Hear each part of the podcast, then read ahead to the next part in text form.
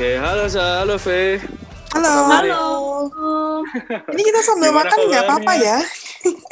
Gak apa-apa, saya juga sambil sambil camilan ini. By the way, gimana kabar kalian? Aduh, baik sekali, sehat walafiat. kan. Alhamdulillah sehat. Fe, gimana kabarnya, Fe, di. Surabaya, Fe? Surabaya hujan banget nih. Apa hujan terus nih? Jadi kayak Malang sekarang dingin.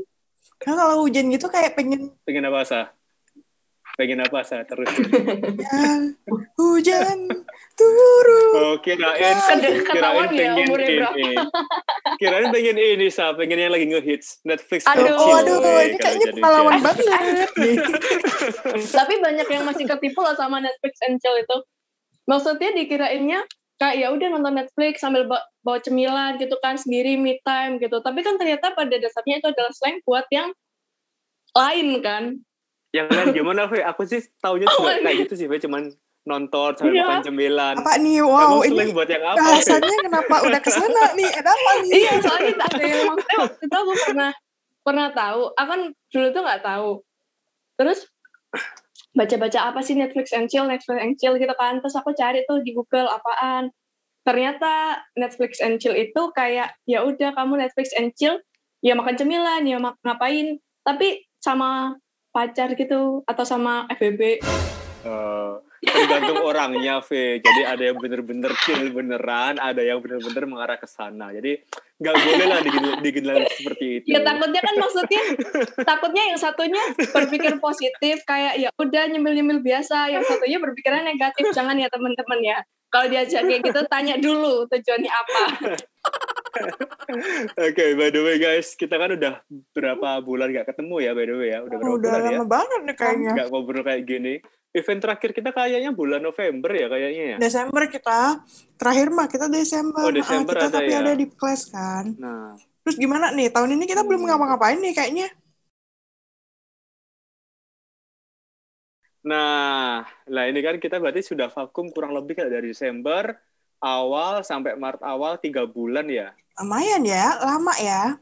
Nah ini pasti yang lain kayak pengen tahu kabar tiga bulan kita nggak ngapa kita nggak ada kabar itu Kayak menghilang gitu aja pada gitu. ngapain nih orang-orang gitu. Iya, Maaf ya, makanya. guys. Update Bukan dulu lah berarti- kabarnya lah. Nggak ada niatan lain ngeghosting atau kayak ini. gimana nih guys. Mohon maaf. Nah, ya, ya. ini para para follower Deep Talk merasa di ghosting sama adminnya Deep Talk nih. Ceritain dulu lah tiga bulan ini kenapa kok pada gak ada kabar sama sekali. Iya, kalian dulu deh, kalian dulu deh. V dulu V. Hmm. Tiga bulan ini ngapain V? Oke. Apa deh? Update-nya dulu V. Kalau tiga bulan ini tuh benar-benar kayak roller coaster ya hidupnya. Masalah kerjaan lah, masalah kehidupan lah. Kehidupan ya pekerjaan juga sih. Jadi kayak eh apa ya? Pokoknya intinya lagi ruwet lah, lagi hektiknya sama kerjaan. Terus Apa apa V yang yang yang bikin roller coaster apa nih di pekerjaannya? em, kayak akhir-akhir ini tuh banyak eh, big decision yang harus diambil gitu loh. Mulai masalah masalah pekerjaan lah, masalah kehidupan percintaan dan segala macam. Itu kayak wow besar juga ya. ada yang katanya mulai orang-orang tahun cerewet-cerewet curhat 2020. nih. Kata orang-orang mau tahun 2020 berat ya. Kok ternyata buat saya berat 2021 nih ternyata. Tapi tapi overall Oh gimana? Kan tadi kan katamu baru bilang kalau udah ngambil big decision ya. Tapi so far apakah yang sudah diambil udah berjalan lancar-lancar aja atau masih ada trouble following up setelah mengambil big decision itu, Vi? Ya, alhamdulillah sih. Maksudnya mungkin kan waktu untuk mengambil keputusan dalam segala hal itu kan biasanya berat ya. Apalagi yang menyangkut kehidupan. Terus Mm. kayak ya sekarang dicoba jalanin dengan santai sih. Menjalaninya kayak ya udahlah, udah udah diambil juga keputusannya mau kayak gimana lagi harus jalanin aja. Benar atau salah itu kan udah jadi keputusan kita mau nggak mau harus jalani kan. Kayak gitu sih. benar-benar. Mungkin ini, V, mungkin yang lain juga sedang ada yang mengalami masa yang sama nih. Sama Hmm. sama-sama sudah mengambil big decision.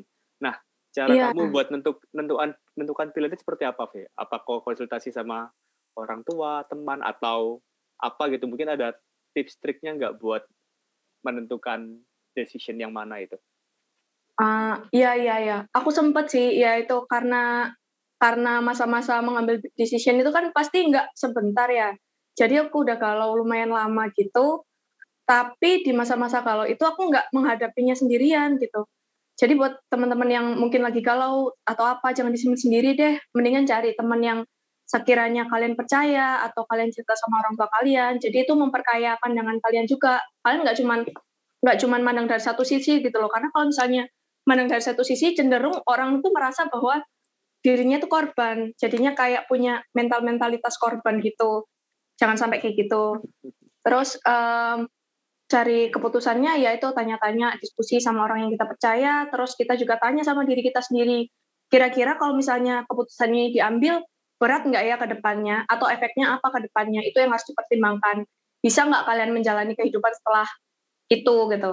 Bukan bisa nggak menjalani kehidupan setelah itu ya tapi maksudnya kayak uh, jadi lebih berat nggak ya? Atau jadi malah lebih ringan kayak gitu. So far sih aku merasanya jadi lebih ringan. Iya iya berarti jadi ya, harus cerita apa ya. Uh, uh, ya kayak iya. kayak agree juga sih. Gua juga kalau misalnya lagi ada apa ya keputusan yang besar gitu emang mau nggak mau harus konsultasi. Konsul dalam artian konsultasi dengan orang yang kira-kira punya pengalaman lebih lama daripada aku. Ya mungkin orang tua atau mungkin teman yang sudah pernah mengalami hal serupa. Dan benar alasan yang disampaikan V karena itu bakal memperluas pandangan ya V ya. Jadi mungkin kalau kita iya. agak ragu-ragu nih setelah kita cerita sama orang itu jadinya oh iya sih benar juga sih gitu. Buka gitu kan. soalnya kalau misalnya kita sendiri mah pikiran kita sendiri yang apa kayak uh, maksudnya kita mau percaya cuma dari pikiran kita aja gitu tanpa tahu pandangan dari si orang lain.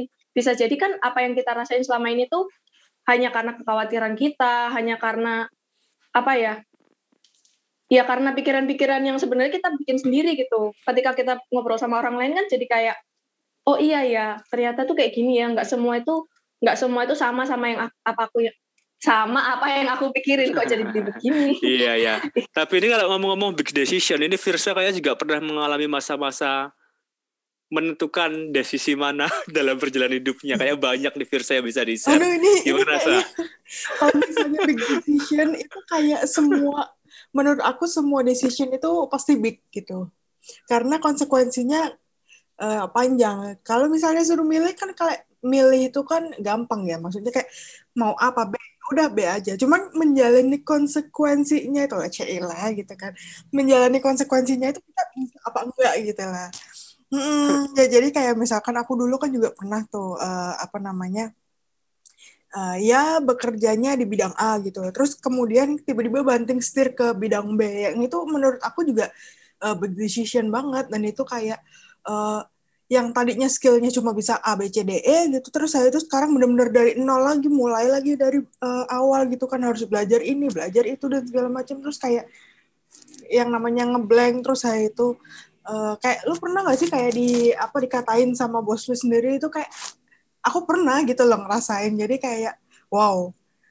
Eh ini mohon maaf ini jadi ke mana-mana ya bahasnya ini eh gimana mas Kiki dulu aja yang cerita nih tapi tapi seru tapi seru. Tapi kalau misalnya kita boleh flashback ya kalau kita ngomongin decision kalian pernah nggak sih kayak ngerasa waktu kalian suruh menentukan pilihan ternyata kalian ngerasa kalau pilihan kalian itu salah? Tentu sering itu sering yang kalian lakukan?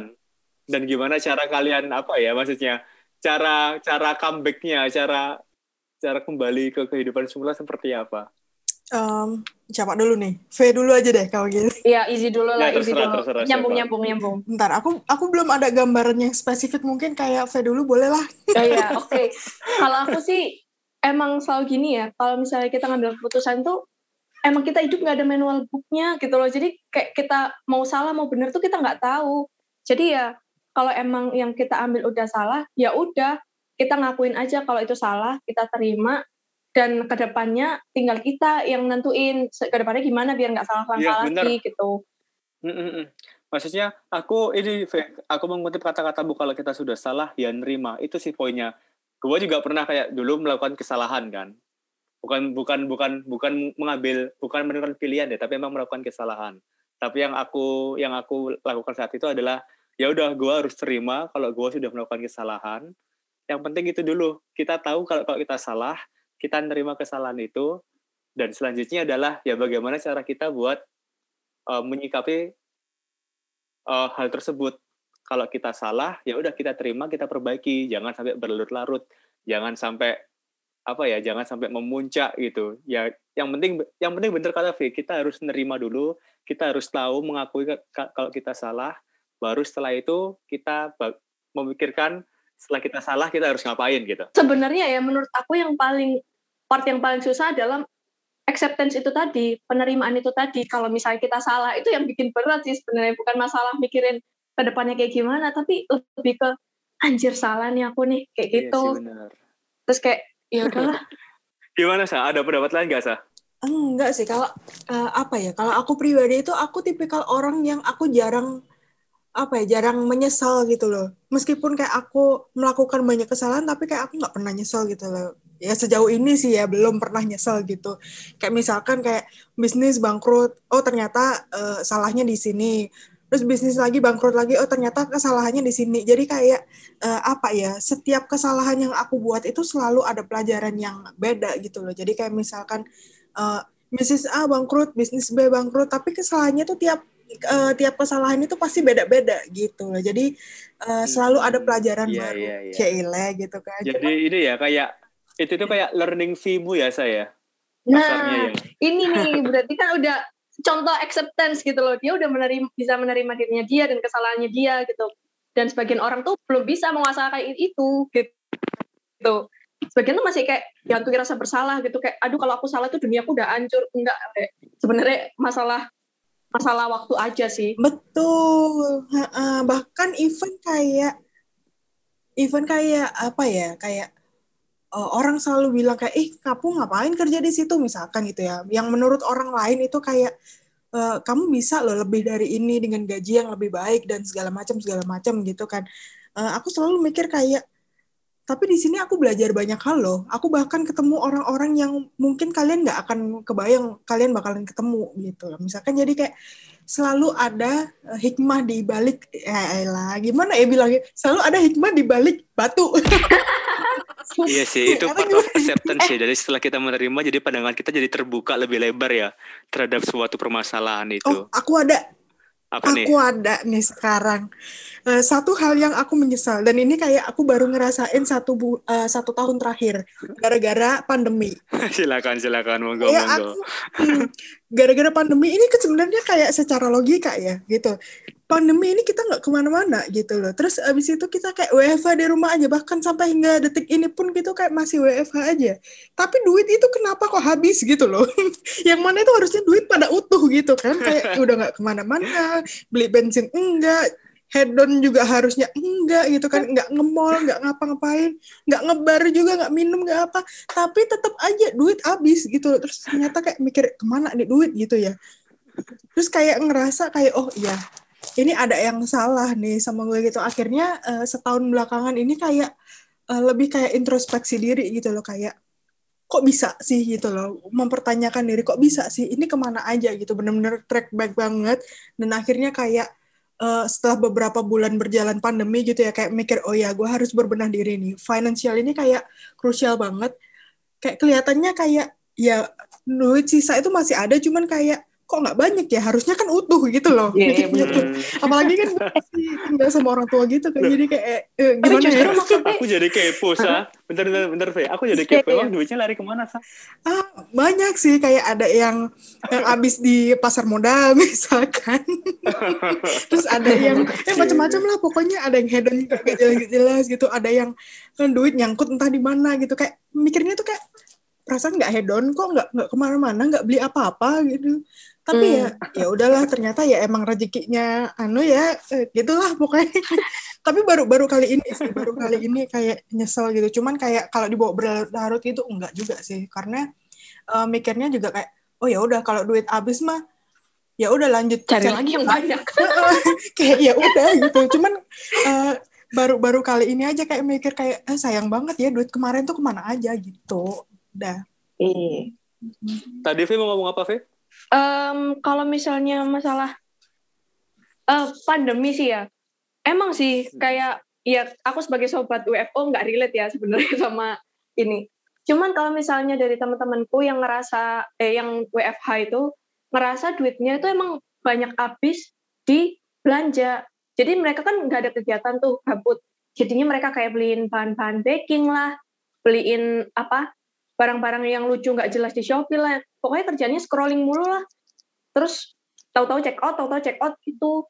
Jadi hiburannya mereka ngalihinnya ke situ sih. Eh mungkin Ah, gue, gue sebagai sahabat Shopee, eh aku boleh nyebut merek gak ini? Aku sebagai sobat online shopper eh, juga relate sih sebenarnya. Jadi Ya kan? emang Tiba-tiba GoFood nggak. Jadi- kerasa. Benar-benar sebenarnya tuh habisnya tuh di camilan sama di mencari hobi baru kalau aku. Nah, mencari hobi baru tuh banyak nih. Kalau misalnya apa mau share ya. Dulu kan kayak bosen nih di rumah nih terus aduh aduh cari hobi-hobi terus ya udah waktu itu hobi masak. Percayalah, memasak apa uang memasak itu lebih jauh lebih besar daripada Bener, kalau uang beli GoFood asli, asli iya. bener banget itu asli Ya. itu beneran. Sumpah. Karena kan bahannya nggak bisa beli per kayak persatuan gitu kan. Jadi kayak kamu beli Iya, terus bisa bener. disimpan dipakai lagi. Tapi kadang kita nggak kepake lagi sampai akhirnya eh, expired gitu.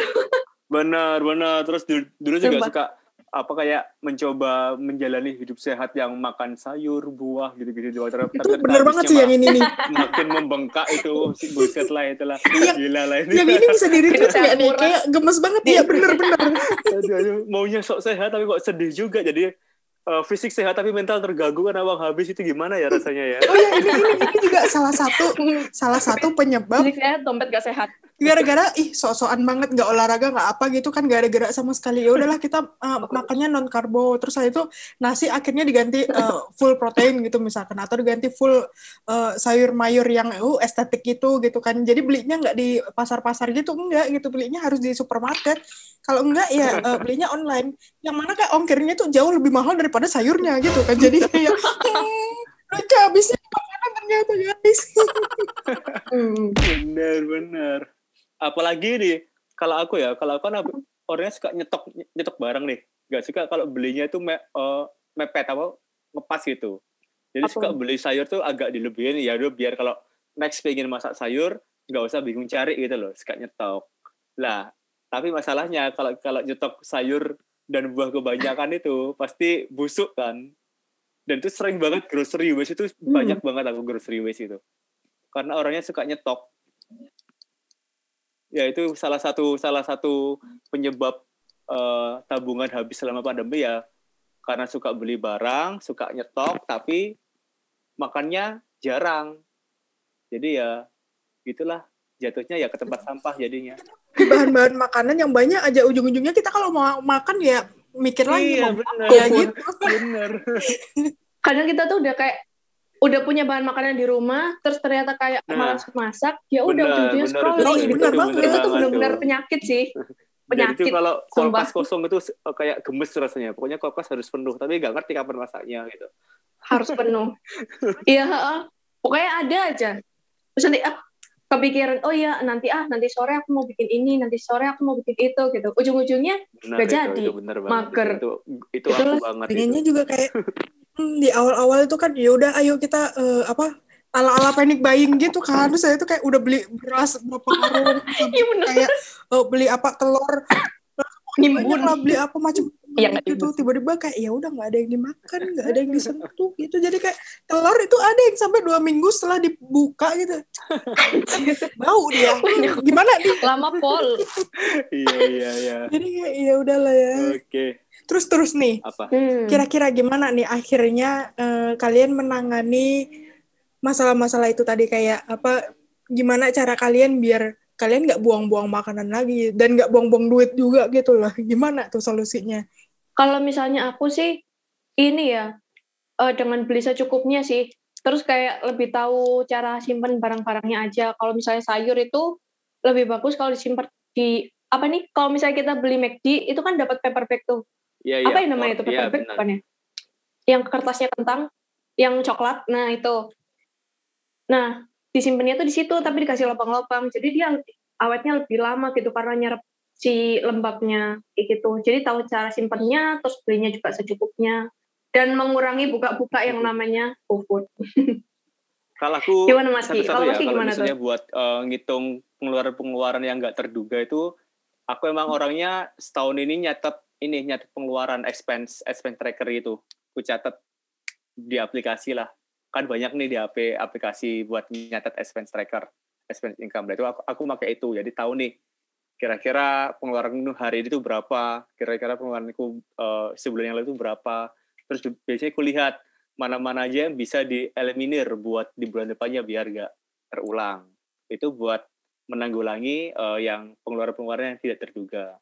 Nah, buat yang hobiku yang suka grocery waste, cara triknya adalah suka inilah, suka apa namanya, suka ngobrol sama teman-teman cewek yang juga suka masak. Jadi kira-kira kalau nyimpen sayur ini tuh yang bener gimana? Biar gak cepet busuk. Misalnya, kalau aku ngobrol sama temanku, aku dapat info kalau misalnya kita beli cabai rawit itu biar gak cepet busuk harus dipotek batangnya terus ditaruh di atas tisu baru dimasukin kulkas batangnya pokoknya harus dipotek kalau kalau nggak nggak dipotek itu cepat apa namanya cepat busuk nah terus kalau nyimpen daun bawang itu juga mending diiris-iris terus ditaruh di freezer ya kayak gitulah pokoknya dengan kita semakin banyak ngobrol sama mbak-mbak atau ibu-ibu rumah tangga jadi kayak dapet tips and trick gimana supaya mengurangi grocery waste itu sih. By the way, ini gak modus ya, oh, wow. buat mencari informasi bagaimana cara menyimpan. Wow. Eh, kamu belum ngomong tapi gimana tadi sah, kamu kabar gimana? Musa? Tiga bulan ini ngapain aja? Kenapa kok sampai sibuk banget sampai di blognya uh, dalam tanda kutip uh, tidak terurus gitu? Oke, okay. um, awal tahun ya kita lihat ya kemarin kayak uh, awal tahun justru kerjaan masih belum terlalu hektik sih ya. Cuman mungkin kayak ya cari-cari kerjaan lain aja gitu kayak membangunkan bisnis yang sudah hilang gitu.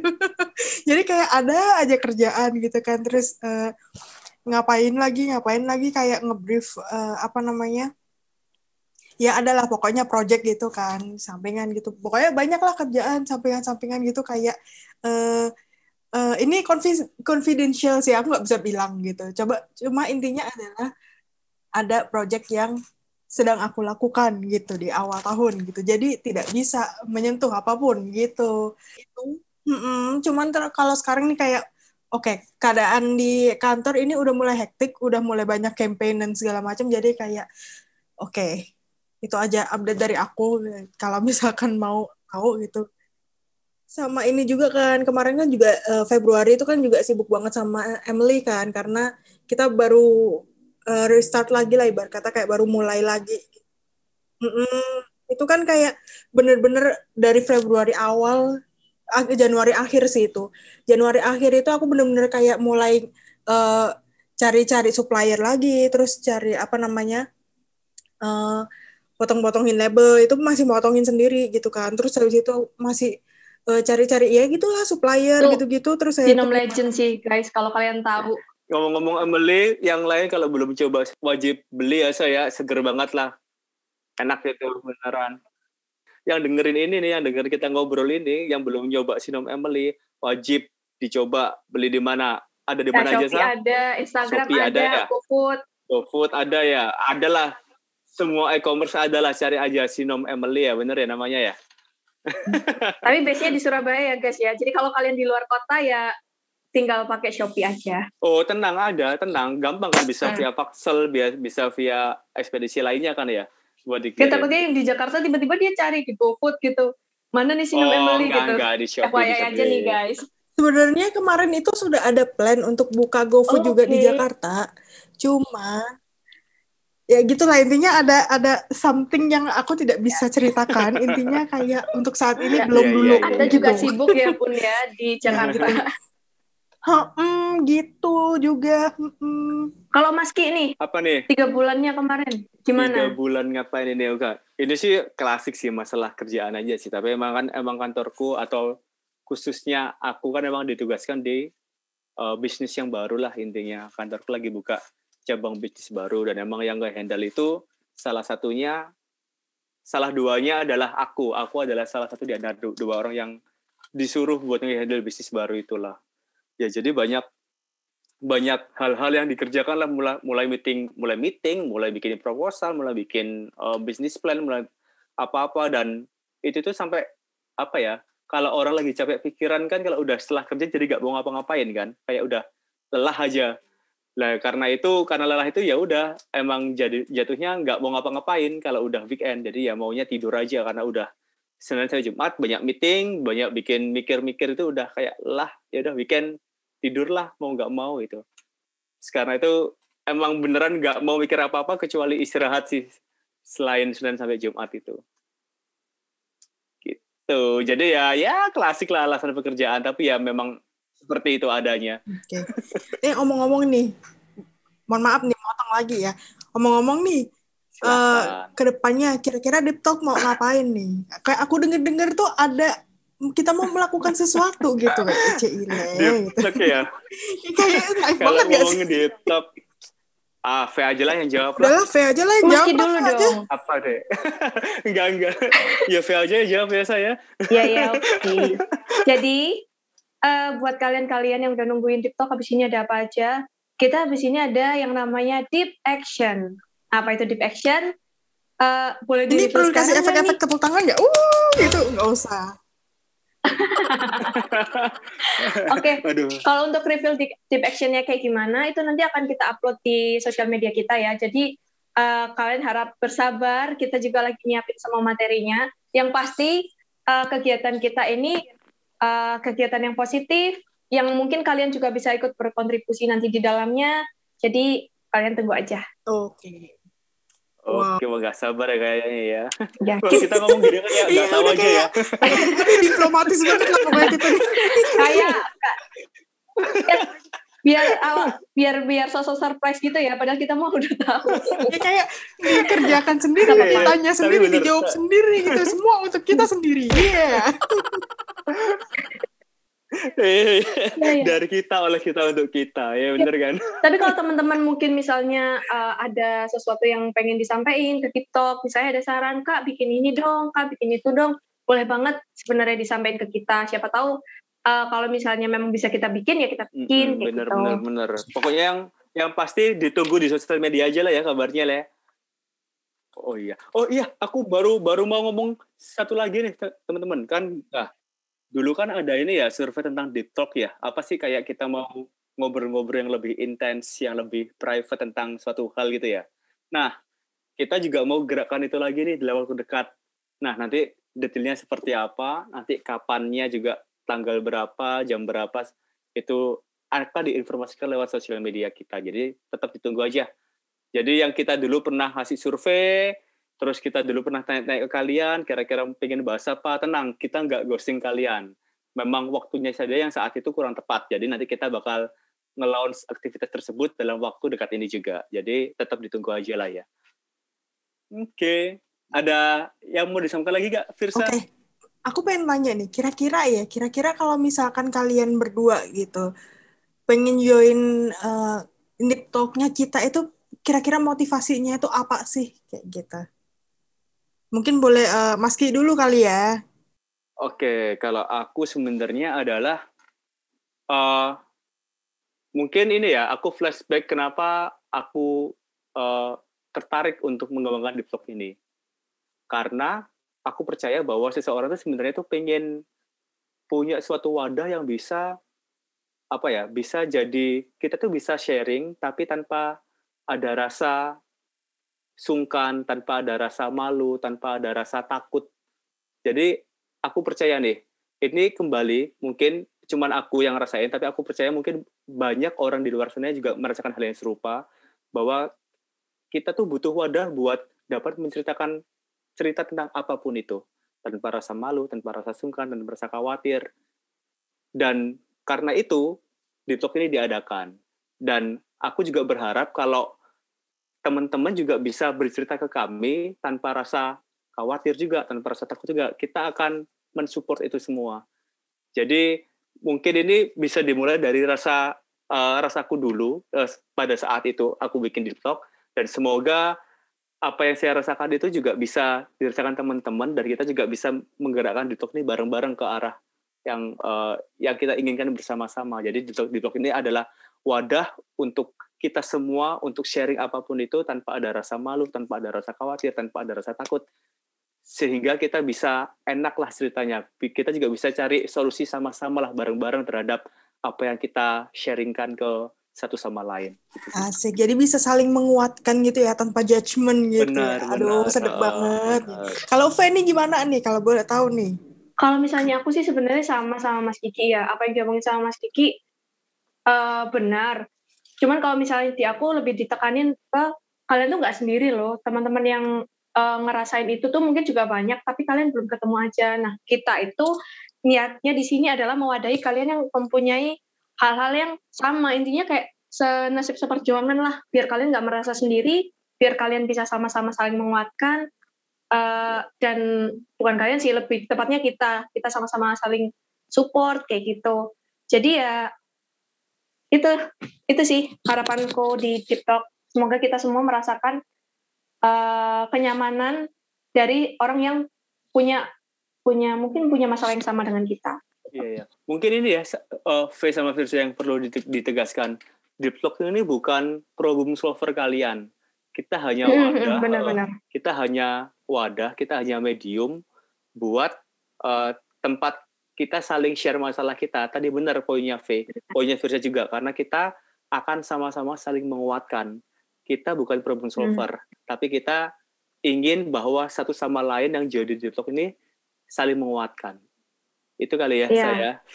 Oke, mungkin mungkin di- ya, ditekankan Hmm. lagi kalau kita ini eh, nggak ada psikolognya gitu ya atau nggak ada ya ibarat kata kayak nggak ada orang ahlinya gitu. Jadi benar-benar kayak Mm-mm. orang yang saling for, Mm, jadi kayak benar-benar yang saling menguatkan aja gitu yang sama-sama pernah mengalami hal serupa dan gimana mereka overcome-nya gitu kan mungkin bisa jadi inspirasi buat kita juga gitu untuk melakukan hal yang sama mungkin ya seperti itu. Oh, berat sekali Oh, iya. ini closingnya ya. ada nih satu quotes ada satu quotes penutup Eh, apa tuh? aku dulu pernah baca satu quotes di Pinterest yang intinya tuh dia bilang kayak gini suatu saat kesulitan yang kamu hadapi sekarang ini eh, ketika kamu udah berhasil menghadapinya itu akan jadi eh, kayak life guide-nya orang lain gitu gitu sih Ya benar-benar setuju, setuju, setuju. Dan tenang, yang pasti we are not alone ya dalam situasi Ya, benar, apa pun. Kalau kalian merasa dalam kondisi terburuk, tenang. Kalian jangan pernah berpikir kalau kalian ini sendirian. Wow, ini suasananya langsung benar-benar berubah ya. Kok jadi gloomy Oh, gini ya? the way? wow wow wow serius ya kelas motivasi jadinya tapi Oke. enggak guys Oke, berarti ini ya. Nanti berarti ada ah, bakal ada dua. Berarti kesimpulannya kita bakal ada dua ini ya, dua event ya. Yang satu deep Ah. action, yang satu tadi deep talk buat sharing-sharing masalah satu sama lain. Ya, semoga keduanya berjalan lancar, berjalan seperti yang kita harapkan bersama. Amin. Baik itu harapan para atlet-atlet deep talk yang mungkin tidak eh, kece ini dan juga harapan teman-teman ke talk selama ini seperti apa itu semoga semoga semuanya dapat terwujud gitu lah ya. Amin, Amin. gitu. Ya udah, Oke. kita tutup ya sesi hari ini. Saya Firza dan ada aku fake V dan ada Ada Iki, Iki. Jijik banget. kita pamitnya kayak mau ngapain gitu ya oke sampai ketemu Di episode selanjutnya. Dadah. dadah, dadah, thank you, thank you teman-teman.